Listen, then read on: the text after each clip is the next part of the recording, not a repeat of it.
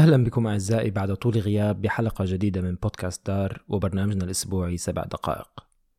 نعتذر عن الانقطاع الطويل. كان المخطط هو التوقف لمدة شهر. نعود اليوم بعد شهرين ونص.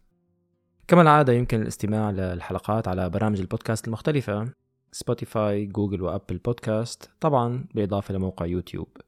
يكفي كتابة بودكاست دار للوصول مباشرة للحلقات. أما الآن لنبدأ من جديد. شيعت أوسلو الناشطة والكاتبة شبانة رحمان التي توفيت بعد صراع مع مرض السرطان الذي استمر منذ يناير كانون الثاني الماضي. رحمان التي بلغت عامها السادس والأربعين منذ أشهر كانت قد قدمت إلى النرويج من باكستان بعمر السنتين. عاشت طفولتها في أوسلو لتبدأ بعد ذلك سيرة طويلة خلقت حولها الكثير من الإعجاب والجدل. يتم التعريف عن رحمان بأنها كاتبة وناشطة اجتماعية وكوميدية. دخلت عالم الصحافة مبكرا بعمر العشرين عام عندما أصبح لها زاوية خاصة في صحيفة داغ بلادة ثم فيجا. تحدث رحمان طويلا التوقعات التي فرضها المجتمع عليها سواء من الجالية الباكستانية أو الأغلبية النرويجية. كلفها ذلك الكثير عندما اضطرت للعيش سنوات طويلة من عمرها تحت حماية الشرطة النرويجية ثم اتجهت للولايات المتحدة الأمريكية لتنعم بسنوات استقرار وللتعلم من المسارح الكوميدية هناك.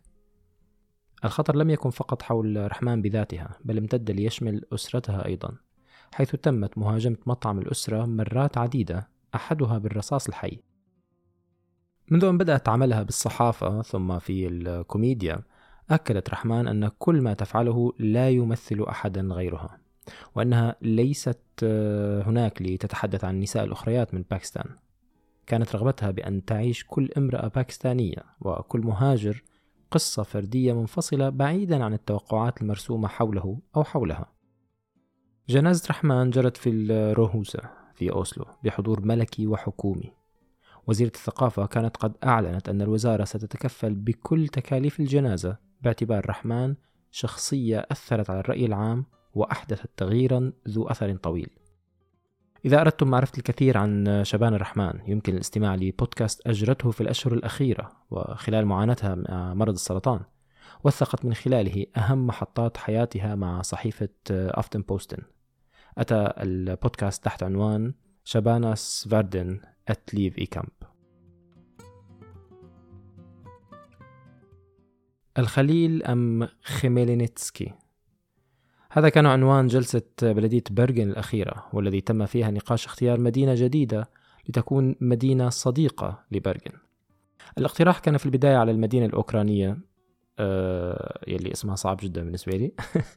ولكن حزب ولكن حزب الحمر اعترض على الاكتفاء بمدينة أوكرانية دون الاهتمام بفلسطين وقدم على الفور آه، مقترح آخر لاختيار مدينة الخليل أو كما تسمى بالنرويجية هيبرون. المدينة الصديقة هو مصطلح تستخدمه بعض المدن النرويجية لاختيار مدن حول العالم من أجل زيادة التعارف. يشترط آه، في المدن المختارة أن تمتلك تعداد سكاني مقارب أو أنها تحوي معالم أثرية أو جغرافية مماثلة.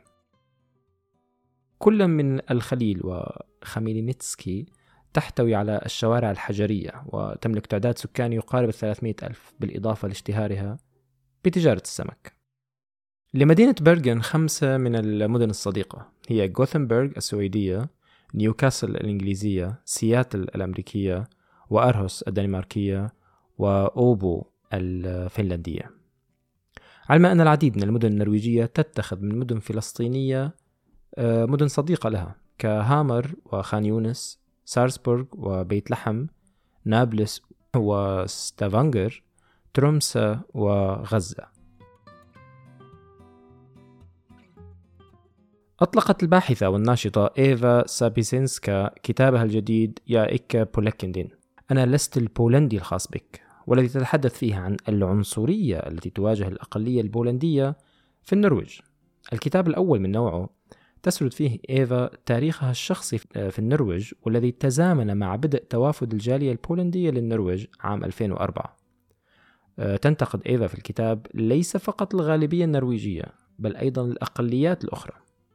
حيث تقول في كتابها لا أنا بيضاء كفاية للجلوس مع النرويجيين ولست سمراء كفاية للجلوس مع الأقليات العرقية في النرويج. تنتقد إيفا في كتابها أيضا الفكرة السائدة بأن البولنديين لا يجيدون إلا المهن اليدوية. اسم الكتاب طبعا مستوحى من كتاب جيمس بالدوين وكتابه بعنوان I'm not your negro أنا لست الزنجي الخاص بك. علما أن الجالية البولندية هي الجالية الأجنبية الأكبر في النرويج بتعداد يصل نحو 150 ألف شخص.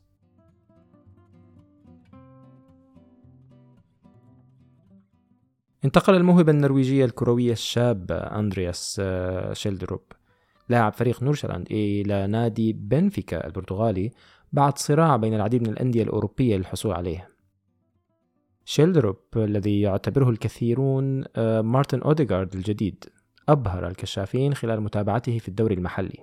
النادي البرتغالي بنفيكا يعرف باقتناص المواهب الشابة ثم بيعهم بأسعار عالية بعد ذلك. سيكون اللاعب الشاب معوضا للأرجنتيني أنزو فرنانديز الذي فاز بجائزة أفضل لاعب شاب في كأس العالم الأخير في قطر والذي من المتوقع رحيله عن بنفيكا نهاية الموسم الحالي.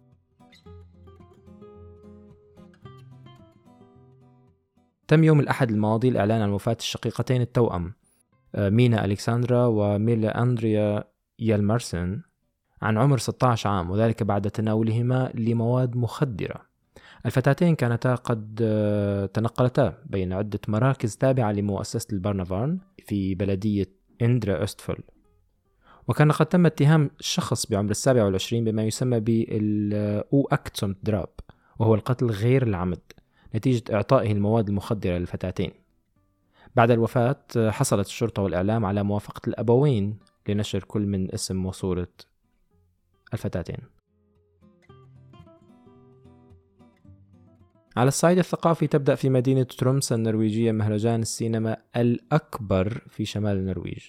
يمتد المهرجان على مدى أسبوع كامل ويعرف بأنه المهرجان السينمائي العام الأكبر في العالم. يقصد بكلمة العام أي طريقة العرض والتي تتم في الشوارع والصالات غير الاعتيادية وهو الأمر الذي يسهم في خلق أجواء خاصة بالمهرجان في المجال الثقافي أيضا نذكر بأننا قمنا في دار بنشر موقعنا الجديد تالر ستول وهو موقع إلكتروني يتحدث بثمانية لغات يستطيع المتصفح من خلاله اكتشاف عوالم الإعلام النرويجي ما هي القواعد التي تتبعها الصحف؟ كيف يمكن فهم العواميد والفقرات المختلفة في الصحف؟ كيف يمكننا إرسال نص لنص رأي لصحيفة ما؟ الهدف من الموقع هو تسهيل التواصل بين الجالية الناطقة بالعربية وعالم الإعلام من حولها. الموقع آه، من تصميم الناشط والصحفي المصري المقيم في أوسلو مصطفى السيد حسين. في النهاية يمكنكم بالطبع قراءة تفاصيل الأخبار بتتبع الروابط الموجودة في وصف الحلقة. كانت هذه الحلقة من إعداد أسامة شاهين قراءة وإخراج محدثكم الشام علواني. شكرا لاستماعكم. إلى اللقاء.